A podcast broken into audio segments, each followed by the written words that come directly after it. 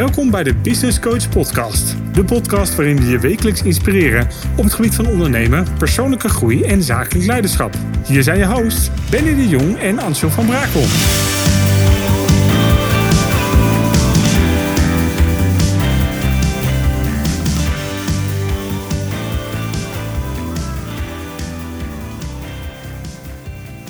Ja, leuk dat je luistert naar weer een nieuwe aflevering van de Business Coach Podcast. En vandaag heb ik een hele leuke gast voor jullie, namelijk Gerard Klerk. En na ruim 16 jaar ervaring in het bankwezen als adviseur en analist en met ruim 4 jaar als leidinggevende in het onderwijs, gaat u nu vol gas aan de slag met het gezond en effectief maken van organisaties met zijn bedrijf Admodem. Welkom Gerard. Goedemorgen Ansel. Goedemorgen. Ik vind het heel leuk dat je er bent. Dat is wederzijds. Gelukkig, want we gaan het over een onderwerp hebben. Ehm, je hebt het heel mooi omschreven als duurzaam, financieel fit ondernemen. Dat klopt. Interessant hè? Ja, een mond vol op de ochtend. Eh, en ik ga weer meteen met de deur in huis vallen, want ehm, ja, wat is dat? Duurzaam, financieel fit ondernemen. Ja, wat is dat? Kijk, er zitten heel veel elementen hè, in dat woord. Er zit duurzaam in, uh, financieel fit, ondernemen. Kijk, ondernemen is risico's nemen. Mhm. Eh, dat weten we allemaal. Ehm, je, je gaat een bedrijf starten. Eh, daar horen um, er hoort omzet bij. Daar hoort voorfinanciering van debiteuren bij. Eh, je hebt soms wat voorraad. je hebt inventaris. Je hebt een computer nodig. Maar ja, dat moet ook allemaal weer betaald worden. Daar heb je kaststroom voor nodig.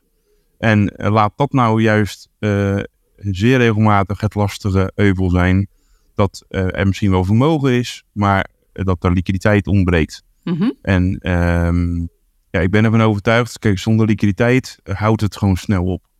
Uh, hoe gezond een onderneming ook kan zijn in financieel opzicht, op het moment dat de liquiditeit of de cash ontbreekt, ja, dan houdt het gewoon heel snel op. Dus ja. daar heb ik mijn passie van gemaakt om ondernemers daarin te adviseren. Ja, super tof. En ik vind het ook daarom extra leuk om met jou deze podcast te doen. Want heel eerlijk, en dan ga ik gewoon even open kaart spelen.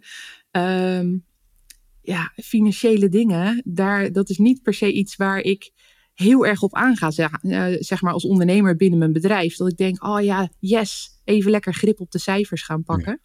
Ja, weet je wat het is? Wat jij nu zegt, dat herken ik gewoon. Ik denk dat 80% van MKB-ondernemers, ondernemers, mm -hmm daar uh, last van heeft. Weet je, die vinden het uh, fantastisch gaaf om hun handel uit te breiden, hun dienstverlening te doen, uh, met die klant bezig te zijn.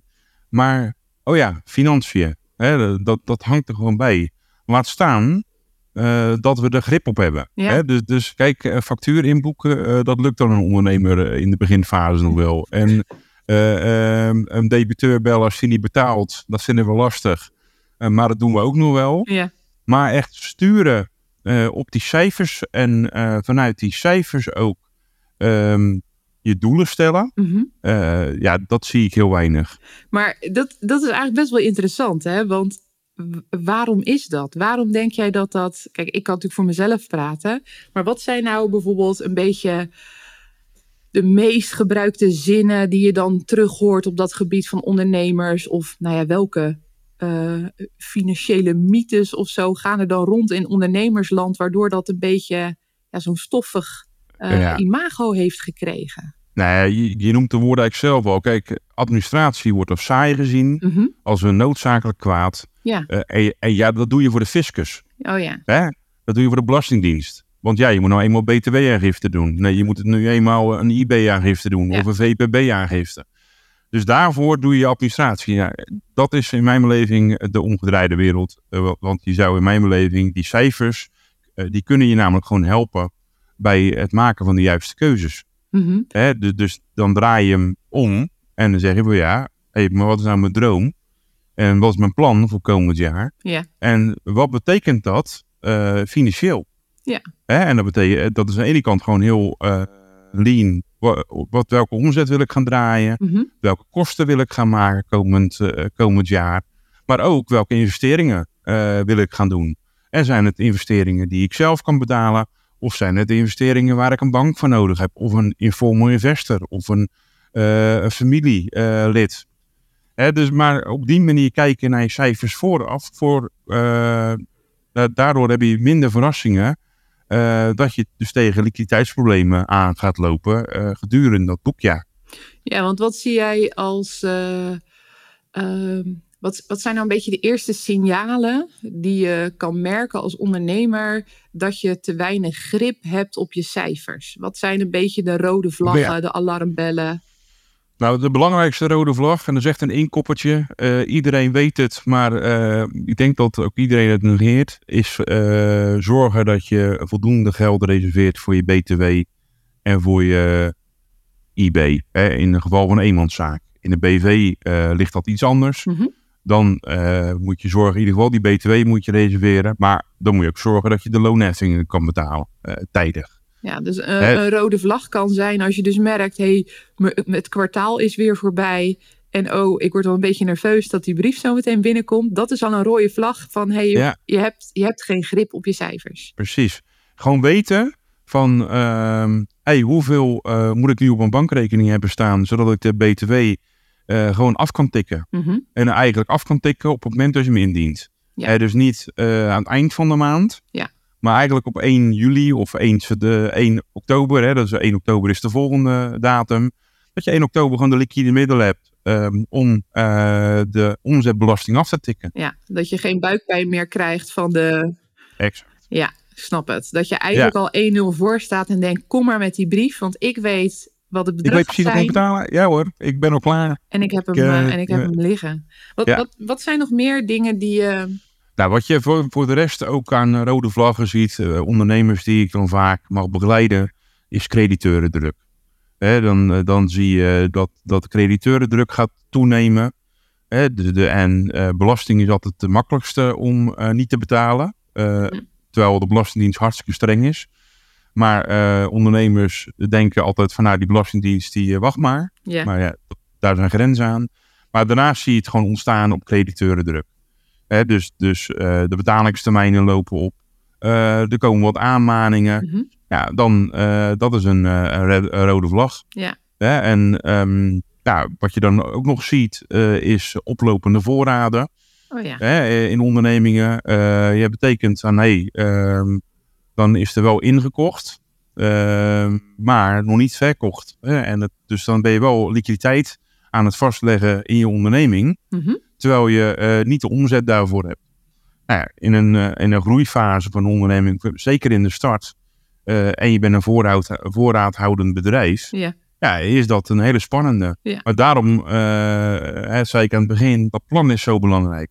Op het moment dat je namelijk een plan hebt uh, en het plan houdt in dat je naar een x voorraadniveau wil, Ja. dan weet je ook wat je financieringsbehoefte is. Ja. En dan weet je dus wat je nodig hebt van een, uh, wellicht van een financier um, om dat op te lossen.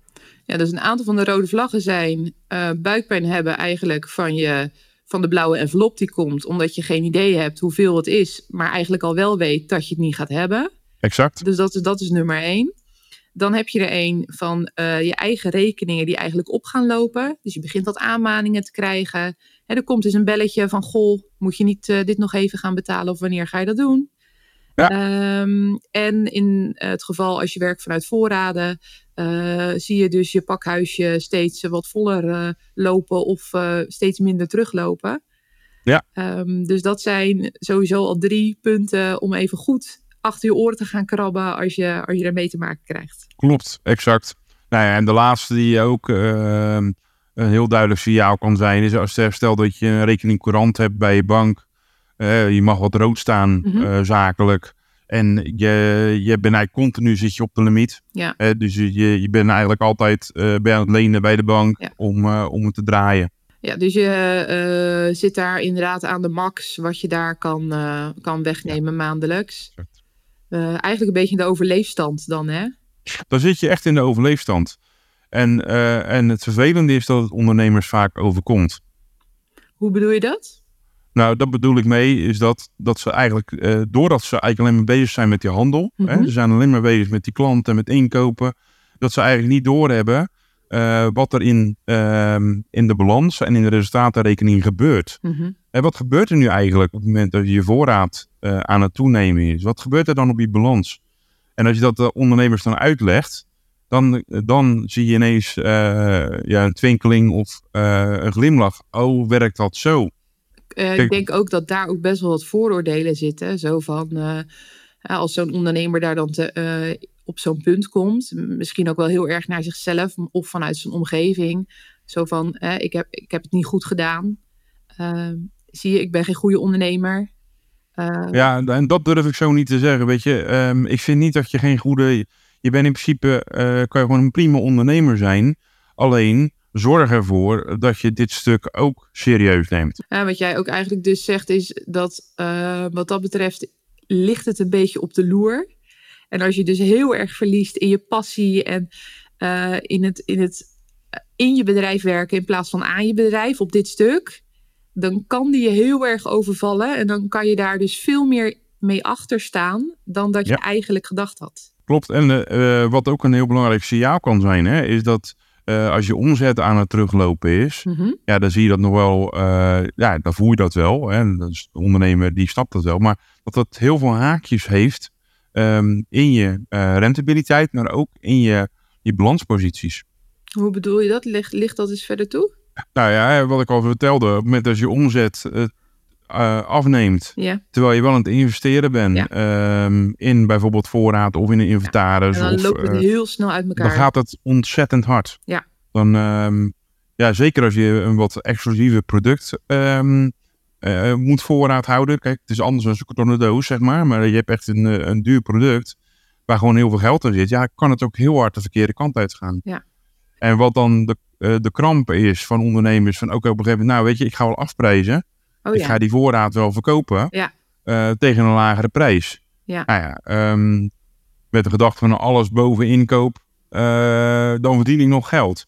Eh, en dan kom ik eigenlijk bij mijn tweede punt. Dat is dat heel veel ondernemers ook geen zicht hebben op hun kostprijs. Wat is nu eigenlijk je kostprijs voor je onderneming en voor je producten? En ehm, het gewoon dus het incalculeren van overhead, ehm, een stukje risicoopslag. eh, dat zijn allemaal elementen die, die bij mij horen bij het financieel duurzaam eh, ondernemen. Ja. Als je, als je niet weet, kijk, eh, we hebben eh, recentelijk hebben we het er over gehad, hè, over, ja, weet je, het is wel een belevingswaarde. Hè? Dus, dus, dus je, je kan je product gewoon in de markt zetten voor waar, waarvan jij denkt dat het waard is. Mhm. Maar er- zit een stap voor.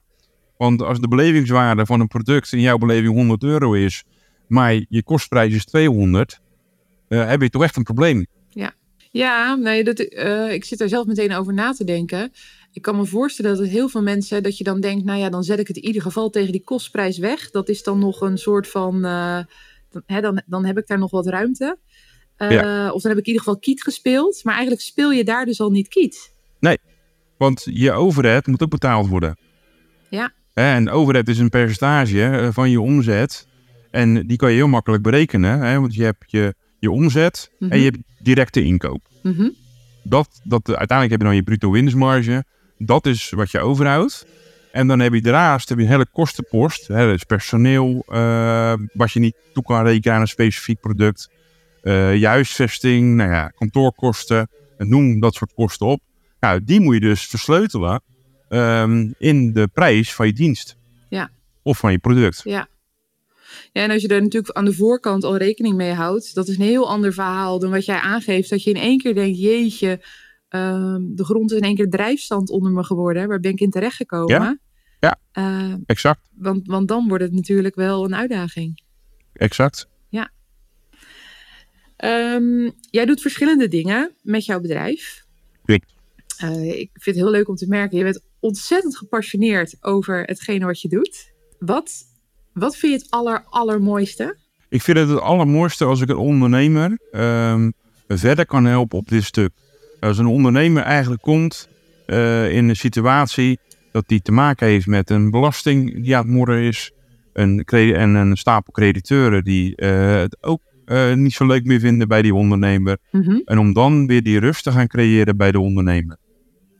Ja. Dat vind ik dan, en als dat dan lukt, Eh, ja, fantastisch. Want je zegt, je zegt het heel hè, mooi, hè, rust. Want dat zijn denk ik ook wel dingen die je eh, veel merkt bij mensen. Dat het stukje, als je geen grip hebt op je cijfers. Heb je geen rust, Nee. want dan lig je s'nachts wakker. Ja, En eh, je ligt pas wakker op het moment dat je druk voelt. Maar als de, de Belastingdienst dwangbevelen gaan, gaat sturen naar jou. En eh, de crediteuren eh, die eh, zeggen van dit is de laatste aanmaning, want ik ga naar de incassobureau. ja. Ja, dan wordt het een ander verhaal. Dan Ja. wordt het een ander verhaal. En dan wordt het s ochtends vol energie en vol passie je vak gaan uitoefenen. Wordt ook een stuk lastiger. Precies, want je hebt, je hebt focus niet meer. Nee. Want ja, je weet je, je bent meer bezig met brandjes blussen aan, aan de achterkant. En dat je toekomt aan, eh, aan waar je eigenlijk warm van wordt en waar je energie van krijgt. Als je, eh, want jij werkt veel met MKB hè? Klopt. Eh, waarvoor, waarvoor heb je daar voorkeur voor? Nou, ik vind MKB-bedrijven vind ik of, gewoon fantastische bedrijven. Omdat ik daar vaak gewoon een ondernemer, om, daar zit een ondernemer aan tafel. Ja, die heeft van zijn passie zijn eh, beroep gemaakt. eh, en eh, doet dat met verven, zeg maar, in de handel zetten. Mhm. Ehm, en dat vind ik zo gaaf. En vaak ook de schaalgrootte. Weet je, het zijn vaak wat kleinere ondernemingen. Ik vind het trouwens wel mooi, ook als er personeel mee gemoeid is, want dat maakt het altijd net wat complexer. Hè, dus ehm, ik vind in- die zin dus MKB leuker dan het adviseren van een ZZP'er. Eh, omdat de complexiteit al wat groter is. Ja. Ehm, en er zitten gewoon meer vraagstukken in. Want in een MKB-onderneming heb je veel meer vraagstukken, ook rondom financieren. Ehm, nou ja, en de vraagstukken over inderdaad, hey, mijn omzet valt weg. eh, help, ik, ik heb crediteuren druk, ik heb belasting eh, druk. En hoe eh, kan ik dit tot een goed einde brengen? Ja, en stel nou dat, hè, jij zegt daar een paar hele mooie vragen die denk ik voor veel mensen die luisteren ook wel herkenbaar zijn. Ehm, maar op het moment dat, dat iemand zo tegenover jou zit en die zegt dat dus, waar begin je dan met iemand? Ik ga altijd eerst het gesprek aan over van, hey, maar wat is nou eigenlijk je droom? Ja. En wat is eigenlijk je passie? Ja. Waarom ben je aan de start ver- verschenen en waar wil je naartoe? Precies, Ja. precies. Want dat, daar gaat het uiteindelijk om. Ehm, en dan ga ik de vertaling maken van, joh, maar als we dat nou eens vertalen, je dromen ehm, en wat je wil naar een plan. Mhm. Hè, zullen we een winstplan maken voor, de voor het komend jaar? En eh, wat zou daarin moeten komen staan? Hè? En wat is voor jou haalbaar? Ehm, dan heb je een heel goed vertrekpunt ehm, in je gesprek, Ja. maar ook een houvast eh, voor de ondernemer waar die, eh, ja, waar die voor aan de slag mee kan in het nieuwe jaar. Maar dan zijn we er natuurlijk niet, want dan heb je dat probleem ehm, wat er dan onder ligt Ja. heb je natuurlijk nog steeds. Wat ik ook heel belangrijk vind om te noemen. Kijk, ehm crediteurendruk, belastingdruk, eh, whatever. Mhm. Het is altijd een gevolg. Hè, dus eh, het is geen oorzaak. Het is de, dus crediteurendruk is niet een oorzaak nee, eh, van de problemen. Nee, het is een gevolg Ja, van is- iets Het wat is je... niet spontaan een- uit de lucht komen vallen. Exact. Ja. Dus het is ook gewoon soms heel gewoon vriendelijk confronteren. Ja. Ja, maar welke keuzes heb je zelf gemaakt? Hè, ehm, inderdaad, wat ik vertelde over eh, die voorraad die je eh, te goedkoop wegzet. Omdat je liquiditeitsdruk voelt. Ja, heb je erover nagedacht wat de consequenties zijn? Ja. Dus dan eigenlijk een beetje op het niveau van leiderschap, hè, het persoonlijk Ja. leiderschap en het zakelijk leiderschap. Zeker, Waarom worden bepaalde keuzes gemaakt? exact. De gedachtegang daarachter. En dat komt juist zo mooi bij die MKB-ondernemer naar voren. Ja. Ehm, kijk, een groot bedrijf waarbij je een, eh, ik noem wat, een bestuurder hebt eh, en een CEO en eh, allemaal hogere managementfuncties, daar krijg ik minder energie van. Want Mhm. dat zijn organisaties die zijn vaak wat logger, wat minder wendbaar. En wat ik het leuke vind bij MKB is dat je over het algemeen wat sneller direct resultaat kan boeken in je begeleiding als adviseur. Ja, ik kan me dat wel voorstellen. Eh, waarschijnlijk ook omdat je zo dicht bij het vuurtje zit. Precies. Ja, en als je dat vlammetje natuurlijk weer goed aankrijgt, of als het nog goed aan is, nog wat meer Ja. aan weet te wakkeren, Ja. eh, dan kan het natuurlijk heel hard gaan. En wat ik ook mooi vind van mijn klanten, eh, stuk voor stuk die ik bedien, ehm, ik vind vertrouwen ontzettend belangrijk. Mhm. Hè, want eh, financiën is vaak voor ondernemers ook iets wat echt wel privé is. Hè, dus me- ze laten over het algemeen ook niet heel makkelijk het achterste van hun tong zien. Dus, dat merk je betekent dat je- daar bijvoorbeeld schaamte zit? Of Ja, er- kan schaamte zitten, maar ook gewoon van nee, weet je, het is wel mijn, Ja, zijn wel mijn financiën. mijn cijfers? wij cijfers. Maar als ik dan eh, met een ondernemer aan de slag ga, eh, stuk voor stuk, zeggen ze dan, joh, ehm, ik ik, eh, stel de boekhouding beschikbaar eigenlijk. Hè? Dus gewoon, dan krijg ik een inlog van Moneybird of van Exact Online of eh Snelstart. Ja. En kan ik gewoon meekijken met de ondernemer. Ehm, en dat geeft, weet je, dat, met name dat vertrouwen wordt dan enorm eh, natuurlijk eh, gewekt. Op het moment als iemand eh, die je een paar keer gesproken hebt, eh, die stap neemt om zijn fin- financiën gewoon daadwerkelijk beschikbaar te stellen. ja, dus vertrouwen is wel een basisvoorwaarde. Ook het vertrouwen kunnen hebben in het team wat je om je heen hebt of verzamelt. Ja, Eh, dat zeker. je het opengooit, ehm, is ook een voorwaarde om richting dat duurzaam financieel fit te komen. Wel zeker, ja. Want op het moment dat ik geen inzage heb in de financiën van een ondernemer, dan kan ik hem ook feitelijk niet helpen. Maar hoe weet ik nou, want ehm, kijk, op financieel gebied zijn natuurlijk ontzettend veel aanbieders en zo ook. Hè? Ja. Je kan natuurlijk alle kanten op. Ehm, en je kan gaan voor de, ik laat één keer per jaar eh, de aangifte doen. Eh, je kan eh, maandelijks laten controleren per kwartaal. Je kan meer een winstadviseur in de hand nemen. Of Klopt. inderdaad begeleiding vanuit iemand zoals jij, die het dan met een winstplan werkt. En ehm, wat meer ook echt de, advieskant meepakt en een stukje begeleiding. Ja. Er kan heel veel. Er kan heel veel en er zijn ook heel veel aanbieders, wat jij al zei. Ja, Ehm, maar hoe maak je daar nou, weet je, hoe kan je daar nou in kiezen wat, eh, wat bij je past? Ja, dat kan je eigenlijk alleen maar eh, als ondernemer doen door het gesprek aan te gaan. Ehm, heb je aan tafel eh, de fit en de klik met degene die tegenover je zit? Ehm, in combinatie natuurlijk met track record. Hè, want uiteindelijk gaat het er ook om van hey, eh, wat heeft Gerard gepresteerd bij andere klanten? Ja. Hè, dus wat zijn de reviews en eh, hoe, hoe doet hij dat dan? Maar stel En- nou, ik ben, eh, pakken we even vanuit ZZP. Wat zou jouw advies zijn voor ehm, een ZZP'er tussen de drie en zes jaar bezig? Ehm, om gewoon, als je niet zoveel hebt met het financiële stuk, met cijfers. Weet je, je ziet het een beetje als een, pff, het, een moedje wat, erbij, wat, je, wat je erbij Nou ja. krijgt. Wat, Nou, dan heb je, ja, weet je wat je dan nodig hebt? Is gewoon een proactieve boekhouder. Oké, Ehm, en daar wil ik zo meteen ook nog even iets over zeggen. Over eh, mijn plannen daaromtrent. Wat ik eh, helaas zie in, eh, in de boekhoudwereld is een hoop reactiviteit. ja. Ehm, en eigenlijk eh, pas, de, de klant komt pas, of de boekhouder komt pas in beweging op het moment als de klant iets vraagt. Mhm. En als je geluk hebt, krijg je dan nog snel antwoord van je boekhouder. Maar je kan ook een boekhouder hebben die het zo druk eh, heeft dat die eh, klant eerst drie keer moet bellen en een mailtje moet sturen voordat er dan een antwoord komt. Ehm, ik geloof echt in een andere aanpak.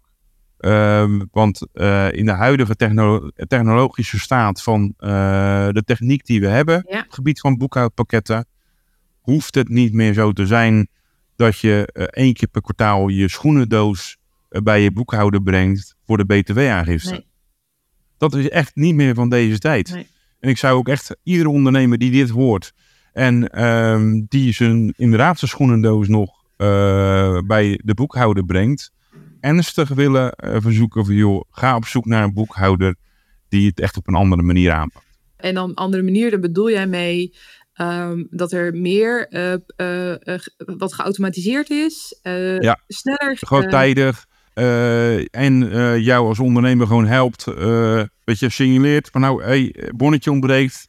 Even een signaaltje naar de klant toe wil. Bonnetje ontbreekt, wil je die nog even uploaden. Ja. En dat kan allemaal le- tegenwoordig heel makkelijk via je telefoon of via je desktop. Ehm, maar zorg gewoon dat eigenlijk je administratie real-time bij is. Nou ja, eigenlijk, vanaf- het is wel leuk. Ik zit nou een beetje die parallel te trekken, hè, maar ehm, eigenlijk moet dat dus gelijk zijn aan dat je, net zo goed als dat je dus niet zelf achter de feiten aan wilt lopen. eh, van oh jee, die blauwe envelop komt straks. Dat begint natuurlijk aan de voorkant. Dat begint daar al mee. Ja. Kijk, op het moment dat je als ondernemer eh, betaalt vanuit je inbox, Ja. van je mail, ehm, dan, dan gaat het daar al elementair mis. Want mijn slogan is echt, eh, je, je betaalt eh, de facturen die in je boekhoudpakket zitten. Dat is het vertrekpunt. Hè, dus het is niet zo, je betaalt eerst en dan eh, sling je dat bonnetje nog een keer de boekhouding in. Nee, dat bonnetje gaat eerst de boekhouding in, ten alle tijden. Daarna ga je betalen En waarom op die manier?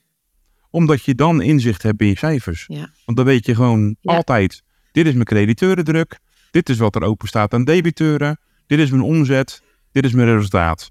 Precies. Dus geen verrassingen. Dan heb je geen verrassingen, Nee. je weet gewoon waar je staat, Ja. real time. En het kan gewoon, kijk, eh 30 jaar geleden kon dit niet. Nee. Maar nu, we hebben de technologische middelen, hebben we. Ja, Er zijn gewoon echt hele goede partijen in de markt die, eh, die dat stuk volledig ook eh, geautomatiseerd hebben intussen. Ja. Ja, dus als er een, een bankboeking is gedaan van een betaling en de factuur ontbreekt, dat er automatisch een berichtje gaat naar de klant van joh, ehm, ik zie dat je betaald hebt, maar de, factuur eh, ontbreekt, wil je die nog even uploaden? Ja, nee, dat klopt. En, En, natuurlijk ook met inderdaad met eh, facturen, met herinneringen. Dat is natuurlijk ook al lang niet meer van dat je dat met de hand moet versturen. Je kan het natuurlijk allemaal zo mooi inrichten, zo'n workflow. Precies. En eh, daar kan ik ondernemers ook gewoon bij helpen. Hè. Dat is vaak ook weer een gevolg van, nou, je gaat aan de slag eh, hè, met die droom. En dan eh, maken we het plan voor het komend jaar. Nou, en dan vervolgens eh, doe ik eigenlijk ook een financiële check-up. Hey, hoe is dan nu de huidige situatie? Even Hoe de wordt, tijdspad pakken. Ja, en hoe wordt het nu gedaan? Ja. Oké, eh, hoe loopt dat dan met je boekhouder? Wat voor contact heb je? En ehm, ik ben er echt niet op uit dat eh, zo'n klant gelijk de relatie met die boekhouder of het accountantskantoor moet zeggen. Daar gaat het mij helemaal niet om. Nee. Het gaat er mij om, ondernemer, ik wil jou leren dat cijfers ertoe doen. En dat ze je helpen Ja. bij het nemen van juiste beslissingen in de toekomst. En dat ze daarin zelf aan het roer gaan staan en, en niet afwachten tot, nou, en nu krijg ik dat mailtje van die boekhouder en nu klopt het. Maar dat ze veel meer eh, waarschijnlijk ook die boekhouder gaan zien als onderdeel van hun team om richting Yes. die droom te gaan bewegen. Exact, Ja. exact. Oké, dus dan hebben we een hele mooie tip, denk ik, voor eh, ZZP. Ehm, het, die, die al eventjes bezig zijn. Zorg gewoon in ieder geval dat je. eh, eh, ik, ik sprak pas nog een ondernemer en die had eh, die deze boekhouding nog in Excel. Oh ja, Nou, er zijn best mensen die misschien nu kromme tenen krijgen, want die zeggen van Excel is prachtig. Maar kom op, niet om te boekhouden en niet met de huidige staat van de technologische innovatie in boekhoudland. ja, want het hoeft ook niet meer de wereld te kosten, hè? Wel nee, wel nee. Je hebt een. eh, ehm, ik, eh, ik zelf op dit moment zit op e-boekhouden. Ehm, er zijn andere pakketten. Moneybird is bekend. Snelstart. Het zijn allemaal hele betaalbare eh, pakketten. Ja, ik zie zelfs best wel wat aanbieders die eh, ehm, echt voor de wat, ehm, wat langere periode dat je daar kan uitproberen. Maar zelfs dat er gewoon best wel veel gewoon gratis is. Eh, voor, eigenlijk voor altijd. Eh, Alleen dan is het beperkter in eh, hoeveel je daarmee kan doen. Exact. Weet je, ze hebben gewoon hartstikke mooie pakketaanbiedingen. Ja. En ehm, hetzelfde als handmatig een factuur maken. Ja. ja ik mag hopen, ondernemer, dat je eh, je factuurtje gewoon maakt in je boekhoudpakket. Waarom? Eén, het is standaard. Dus het kost weinig tijd om het te maken in je boekhoudpakket. En twee, ehm, je hebt hem gelijk ook geboekt. Hè? Factuur eruit, is factuur, is omzet, is ook een debiteur. Hè? dus aan alle kanten eh, staat je boekhouding. Nou, dan kom je weer. Dan staat de boekhouding strak. Ja. Dus ook weer een tip. Ehm, boekhouder, ik hoop, of eh, klant, ondernemer, zorg dat je gewoon je facturen maakt vanuit je pakket. Ja. En dat kan ook een, eh, een salespakket zijn. Hè? Ik, ik, ik weet bijvoorbeeld een, een teamleader of een, een HubSpot. Eh, dat soort partijen, eh, daar kun je ook zeggen van hey, ik doe daar mijn facturen in maken en offertes. Maar zorg dan in ieder geval voor een technische koppeling. eh, dat die facturen automatisch, moet je niet over nadenken, dat moet gewoon automatisch gaan. Dat die factuur natuurlijk al in je boekhouding terechtkomt. Ja, en dat scheelt heel veel eh, tijd, werk, frustratie, maar ook natuurlijk foutjes die erin kunnen slopen. Ja. Kunnen Precies, precies. absoluut. En als we nou een ehm, gemiddeld MKB pakken. Gemiddeld MKB is een beetje een brede, brede term. Maar wat zou jouw advies daar dan zijn? Um, in de, ook, hiervoor geldt, uh, ik zou altijd zorgen dat je een, uh, een boekhoudkantoor, administratiekantoor uh, tot je beschikking hebt. Mm -hmm. zeker bij eenmanszaken, VOF's, kan je, volstaat het vaak dat je gewoon met een administratiekantoor, die gewoon fiscaal administratief goed onderlegd is, daar kan je prima mee uit de voeten. Daar hoef je nog niet voor naar een accountantskantoor. Kijk, bij een BV, dat heeft te maken met, met de grenzen die er zijn dat je qua publicatieplicht. Maar in Nederland is het zelfs zo dat je, je een BV bijvoorbeeld met meer dan 6 miljoen omzet. Nou, dan moet je toch best wel een forse BV hebben. Dan pas word je accountantsverklaringsplichtig. Daaronder is het gewoon samenstellingsverklaring. Um, en samenstellen betekent eigenlijk gewoon niks anders dat een accountant of een boekhouder de administratie samenstelt tot een jaarrekening. En uh, dan zitten er uiteraard wel controles in. Uh, dat hoop ik althans, dat er controles in zitten. Want anders dan, daar zit de toegevoegde waarde in mijn beleving van administratiekantoor en een accountantskantoor. Kijk, alleen qua prijsstelling, een account, accountantskantoor is per definitie altijd een stukje duurder dan een administratiekantoor. Dus heel vaak is gedacht, ja, ik ga naar een accountant toe. Maar dat is niet altijd nodig. Ik hoor het ook wel vaak hoor. Ik hoor wel vaak ja, uh, ondernemers onderling ook roepen: oh, je moet echt, je moet echt een accountant hebben. Dat hoeft niet. Weet je, er zijn administratiekantoren die uitstekend ingericht zijn uh, om die MKB-onderneming goed te bedienen. En die besteden, bijvoorbeeld als dan die grens bereikt wordt van die publicatieplicht, dat ze gewoon een, uh, een accountant in de omgeving vragen: wil jij de controle doen? Ja. Dus dan doet de samenstelling, doet het administratiekantoor. En dan laat je eigenlijk een derde, laat je de, de feitelijke controle uitvoeren. En het mooie daarvan is, is dat je dan beide partijen in positie brengt. Dus daar hoeft, dus je hoeft niet... Standaard accountants, een standaard accountantskantoorkeuze is wat mij betreft niet logisch. En zeker niet voor ZZP en MKB zonder BV. Mm-hmm. Met BV hangt het even af.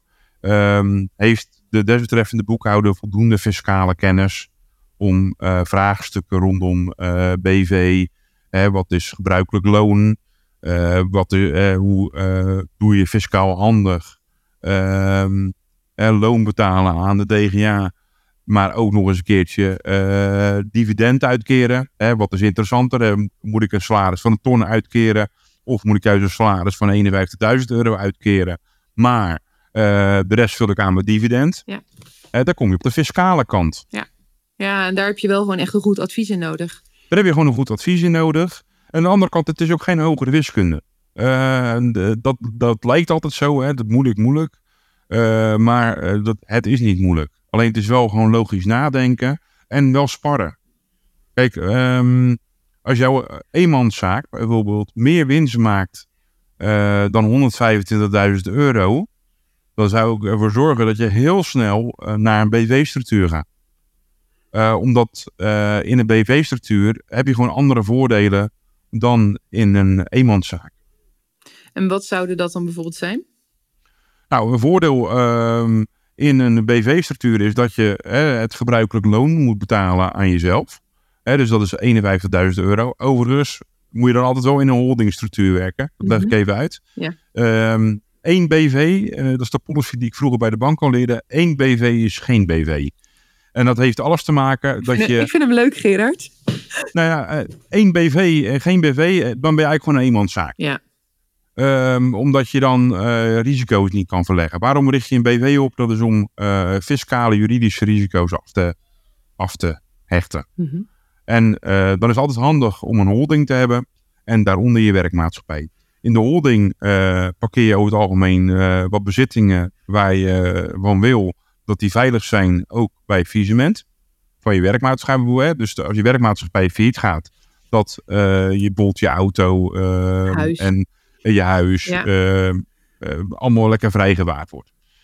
daarom heb je een holding. Daarbij, en daar komt het gebruikelijk loon, op het moment dat je dus een holding opricht, heb je uh, de regeling dat je een managementovereenkomst maakt tussen je uh, werkmaatschappij en je holding. En spreek je daar dus een management fee af van een bepaalde hoogte.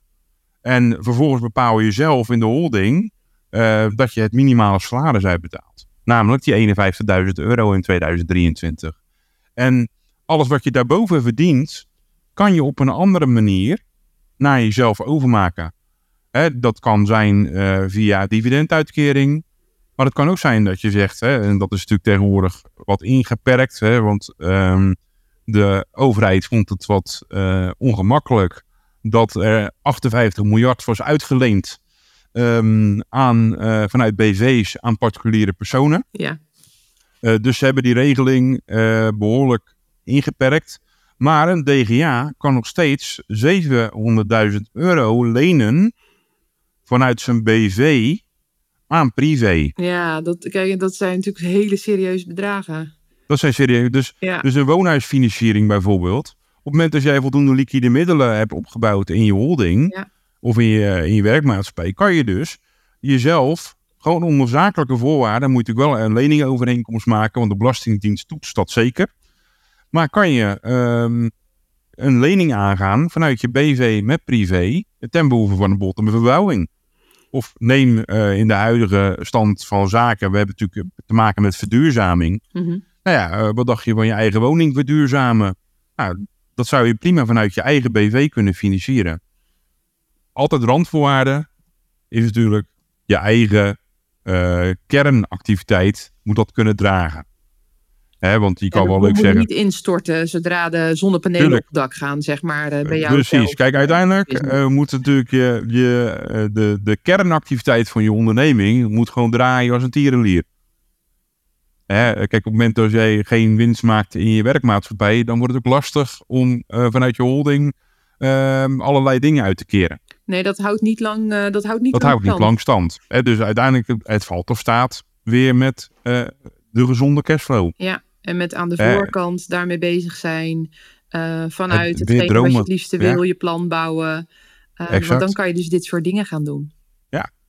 ja En wat ik ook belangrijk gaaf. vind, en, wat ik ook belangrijk vind in BV-structuur, daarom stip ik hem ook aan, is je, je, je hebt veel meer mogelijkheden ehm, voor de toekomst. Stel dat je een holding hebt ehm, en op een gegeven moment zeg je van nou, ik ga een bedrijfspandje kopen Ehm, en dat ga ik verhuren aan mijn, aan mijn werkmaatschappij. Hè? Dus, dan eh, stop je niet dat bedrijfspand in je werkmaatschappij, waardoor het een risico, een groter risico heeft dat het eh, in een faillissement meegetrokken kan worden als het misgaat. Maar hou je het te buiten en laat je je werkmaatschappij gewoon een marktconforme huur betalen aan die andere BV, die ook van jezelf is. Eh, dus er zijn in die zin heel veel mooie constructies mogelijk, waarbij je aan de ene kant je bezit goed kan beschermen, en aan de andere kant ook gewoon de fiscale eh, ruimte en voordelen kan benutten. Ja, maar dat- als, je, als je dus een- als ZZP'er eigenlijk ja, ruim boven die ton aan het draaien bent. Ja. Je, je bent bezig met opschalen. Hè, wellicht eh, is iemand eh, nu nog met een, eh, hè, met, een, met een VA bezig, maar die wil echt richting dat team. Dus die wil die volgende stap Ja. gaan zetten. Dan is het dus niet alleen opschalen eigenlijk aan die kant van je bedrijf. Maar ook opschalen, ja, Precies in de Ja. financiële structuur, om het, Ja. als ik het zo mag zeker noemen. weten. Ja, zeker weten. En dat wordt heel vaak vergeten. Plus, ik vind eigenlijk ehm, dat personeel houden in je eenmanszaak is een onverantwoord risico. Want we weten allemaal de, de wet en regelgeving in Nederland. ehm, die is eh, best wel gericht op de werknemer. De bescherming van de werknemer. Hè, door loonbetalingsverplichtingen die je aangaat. maar ook bij langdurig ziekte moet, ziekte moet doorbetalen.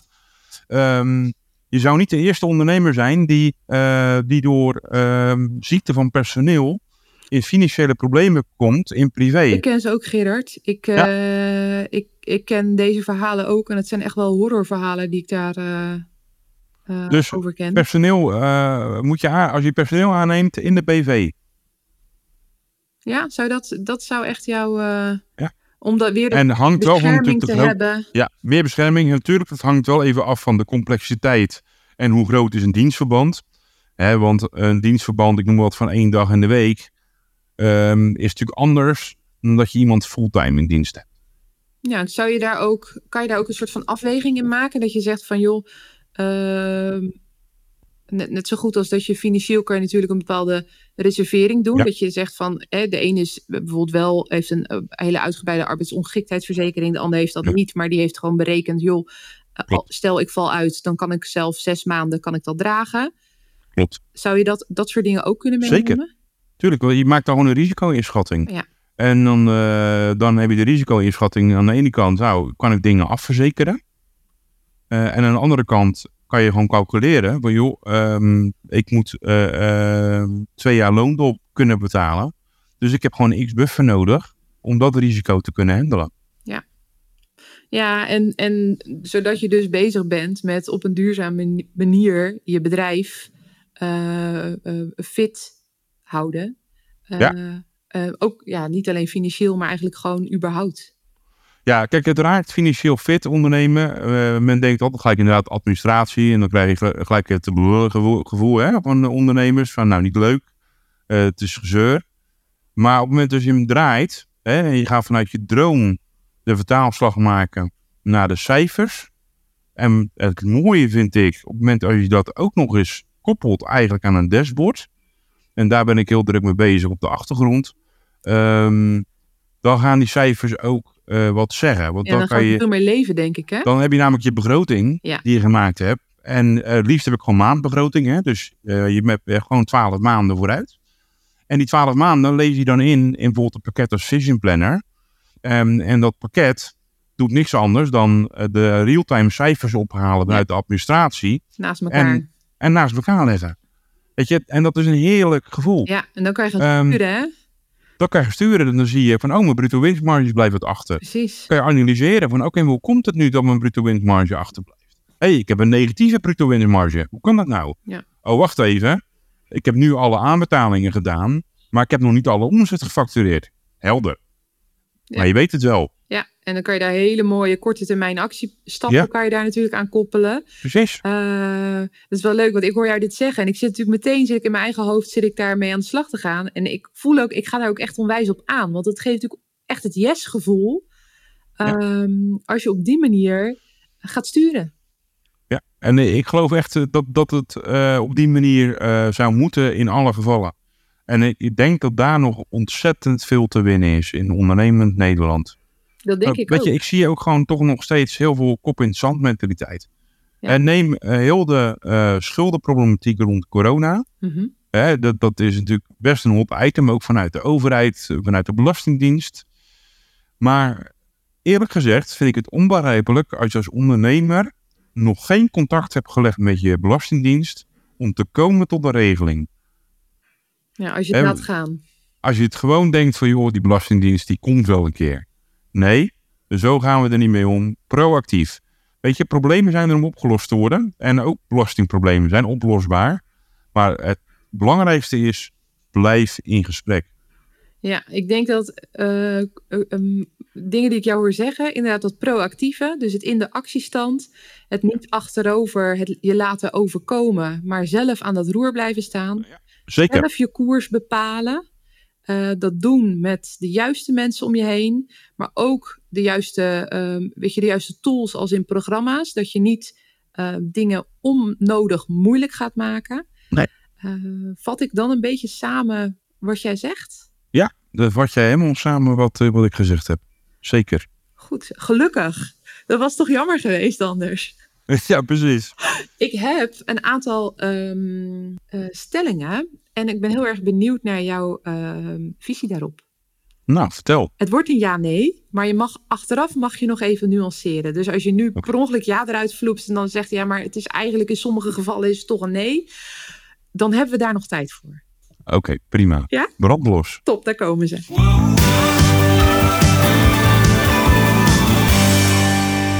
Stellingen en vul maar aan. Iedereen kan leren om grip op zijn cijfers te krijgen. Ja. Dat is heel duidelijk. Financieel fit is het fundament van een bedrijf. Ja. Een boekhouder die één keer per jaar je aangifte doet, is niet genoeg om duurzaam financieel fit te ondernemen. Ja.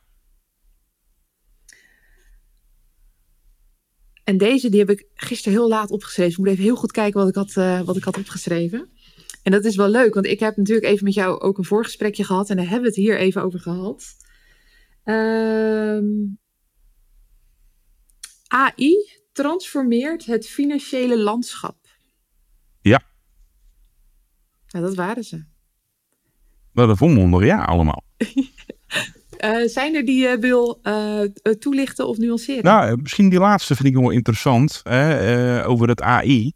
Um, ik zie daar gewoon ontzettende grote stappen daar worden gezet.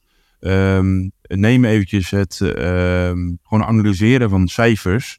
Dat wordt nu heel vaak nog door uh, mensen gedaan. Hè?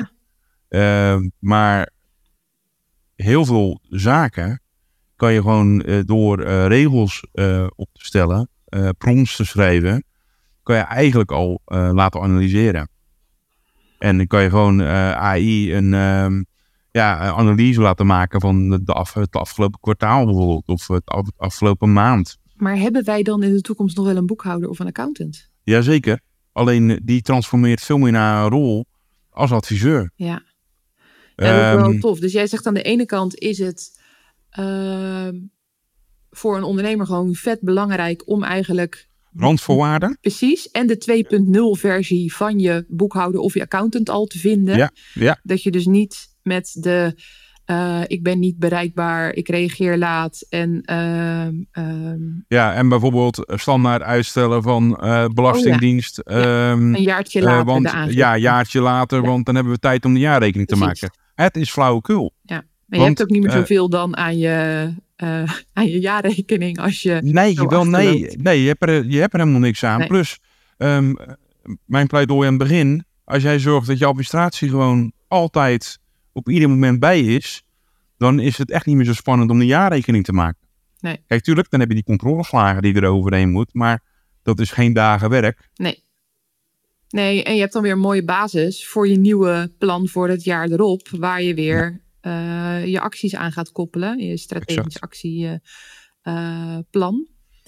Uh, um, en aan dus de maar... andere kant, hè, want dit is dan van de kant van de ondernemer, zeg jij dus eigenlijk ook tegen ieder die in deze financiële sector zit: step up your game, want uh, AI is er. Ja, uh, neem en gebruik het ten voordele. Precies. Um, en wees ook voorzichtig, hè, maar stop het niet weg. Nee. Uh, en dat geldt ook voor de robotisering. Weet je, ik vind het nog steeds onbegrijpelijk dat, dat uh, er um, administratief medewerkers zijn die nog handmatig facturen zitten in te kloppen. 100 per dag. Ja, het gebeurt. Het gebeurt gewoon nog. En dat neem ik eigenlijk die medewerkers nog ineens kwalijk. Maar wel de mensen, zeg maar, die die medewerkers aansturen. Ik heb er nog één voor je. Dat is, uh, dan mag je zinnetjes afmaken. Oh ja, leuk joh. De eerste. Ondernemen is voor mij ja, uh, met passie uh, andere uh, mensen helpen. Heel mooi. Een ideale dag? Um, een ideale dag. Die vind ik lastiger. Um, nou, ideale dag om lekker gewoon in ieder geval een klantgesprek te hebben en weer een ondernemer hier dit thema verder geholpen te hebben. Dan heb ik een ideale dag. Dat is herkenbaar. je kunt mij wakker maken voor een probleem, uh, voor klanten die een probleem hebben. een klant kan mij altijd bellen um, als hij een probleem heeft. En dat, dan maakt het niet voor mij uit of dat uh, s morgens om 7 uur is of s'avonds om 11 uur. Of desnoods als het uh, zo nodig is, mijn telefoon staat aan. Laat ik het zo zeggen. Als er paniek in de tent is. is dan moet je me gewoon bellen. Kijk, de klanten van Gerard die nu luisteren, die, als ze vannacht om drie uur bellen, dan weet je hoe het komt, hè? Um, Het is wel grappig, want de vierde die ik heb staan, die gaat over bellen, maar die gaat over mij niet bellen. Over mij niet bellen. Ja, voor uh, uh, zaken die uh, als een ondernemer zelf niet uiteindelijk wil. Dus, dus ja. als, als, ik met een ondernemer bezig ben um, en voortdurend bezig ben en ik merk geen vooruitgang, geen beweging, dan kan die maar beter niet meer bellen. Als je er niet zelf 100% voor wil gaan en de verantwoordelijkheid ja. wil pakken en het eigenaarschap.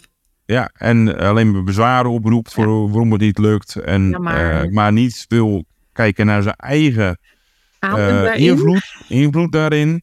Ja. Dan, ha- dan haak ik wel af op een gegeven moment. Ja, die snap ik.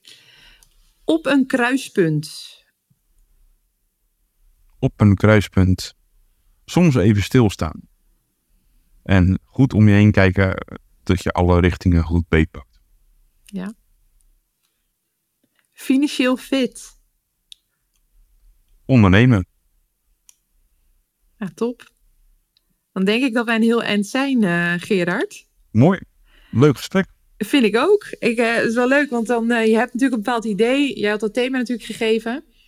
Ehm, wat ik heel tof vind, we zijn wat dat betreft eigenlijk een beetje alle kanten op gegaan. We hebben het gehad over ZZP, over MKB. We hebben het over de wereld zelf gehad. Ja. Ehm, ik denk ook als er ZZP'ers aan het luisteren zijn, die flink aan het opschalen zijn, dat er voor hun ook hele mooie, waardevolle informatie eh, eh, in dit eh, gesprek zit. En ik, ja, ik denk voor heel veel mensen gewoon een paar hele concrete puntjes om in de gaten te houden. De rode vlaggen natuurlijk.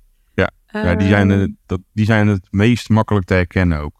Alleen je, je moet wel je ogen ervoor open hebben. Ja, je Kijk, als je verstoppertjes speelt met jezelf, dan negeer je de rode vlaggen. Ehm, en dan denken we, het komt zo goed. Nee, de- eh, niks komt vanzelf goed.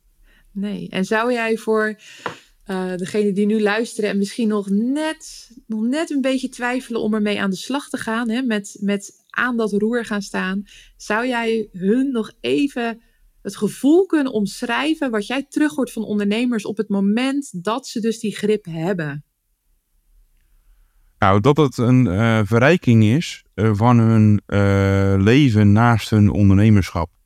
Dus dat hun privé situatie en dus hun gezin of vrouw of partner daar ehm, ja, ook gewoon plezier aan heeft. Dat man of vrouw ondernemer eh, weer meer ook in het privé situatie eh, weer aanstaat. Mooi. Want op het moment dat jij opgeslokt wordt door de zorgen in je bedrijf, Ja. dan ben je, sta je niet aan in privé. Nee, dan kan je niet meer thuis echt zijn. Dan ben je niet, ben je niet meer thuis thuis. Nee. Dan sta je dag en nacht sta je aan. Ja. En ik gun ieder ondernemer ook eh, de momenten van rust met zijn gezin. Ja. Ik vind me heel mooi. En zeker van jou, want ik weet, je hebt een groot gezin. Ja, Dus jij weet ik vind het ook van. heel belangrijk. Ik vind het ontzettend belangrijk. Ja. Ja, Ik ga jou heel erg bedanken voor dit mooie gesprek. Dankjewel Hansjong. Als mensen nou meer over Admodem willen weten of over jouw werkwijze, waar moeten ze zijn? Gewoon www.atmodem.nl Helemaal goed. En eh, daar kan je of een kopje koffie afspraak plannen. ja, Ehm, en als je zegt van nou, ik wil eigenlijk gewoon toch eens weten hoe je een, eh, een strategie-sessie met mij eh, organiseert, dan kan je ook eh, een strategie-sessie aanvragen. helemaal goed. Nou, dus lekker, lekker gaan kijken allemaal op de website van Gerard. En op LinkedIn kunnen ze je ook vinden natuurlijk. Zeker, ik ben redelijk actief op LinkedIn. Tenminste, dat krijg ik regelmatig terug. Sommige mensen denken dat, dat ik dag en nacht op LinkedIn zit. Dat is niet zo. Ik heb altijd op een vaste moment en op de dag kijk ik even en dan reageer ik. Maar het is niet zo dat ik eh 24 uur per dag op LinkedIn zit. Dus dat heb ik dan ook bij deze even verteld. Meteen even nog- nog even zo eh, bijna in de show notes eh, uit, de, Ja, uit de wereld geholpen. Nee, maar helemaal goed. Dankjewel nogmaals. En dan bedank ik jullie heel erg voor het luisteren. Ik hoop dat jullie weer een toffe aflevering vonden. Als je andere ondernemers kent die dit echt moeten horen, zou ik zeggen, deel hem vooral. Eh, en dan eh, wens ik je een hele fijne dag en heel graag tot de volgende aflevering. Dankjewel!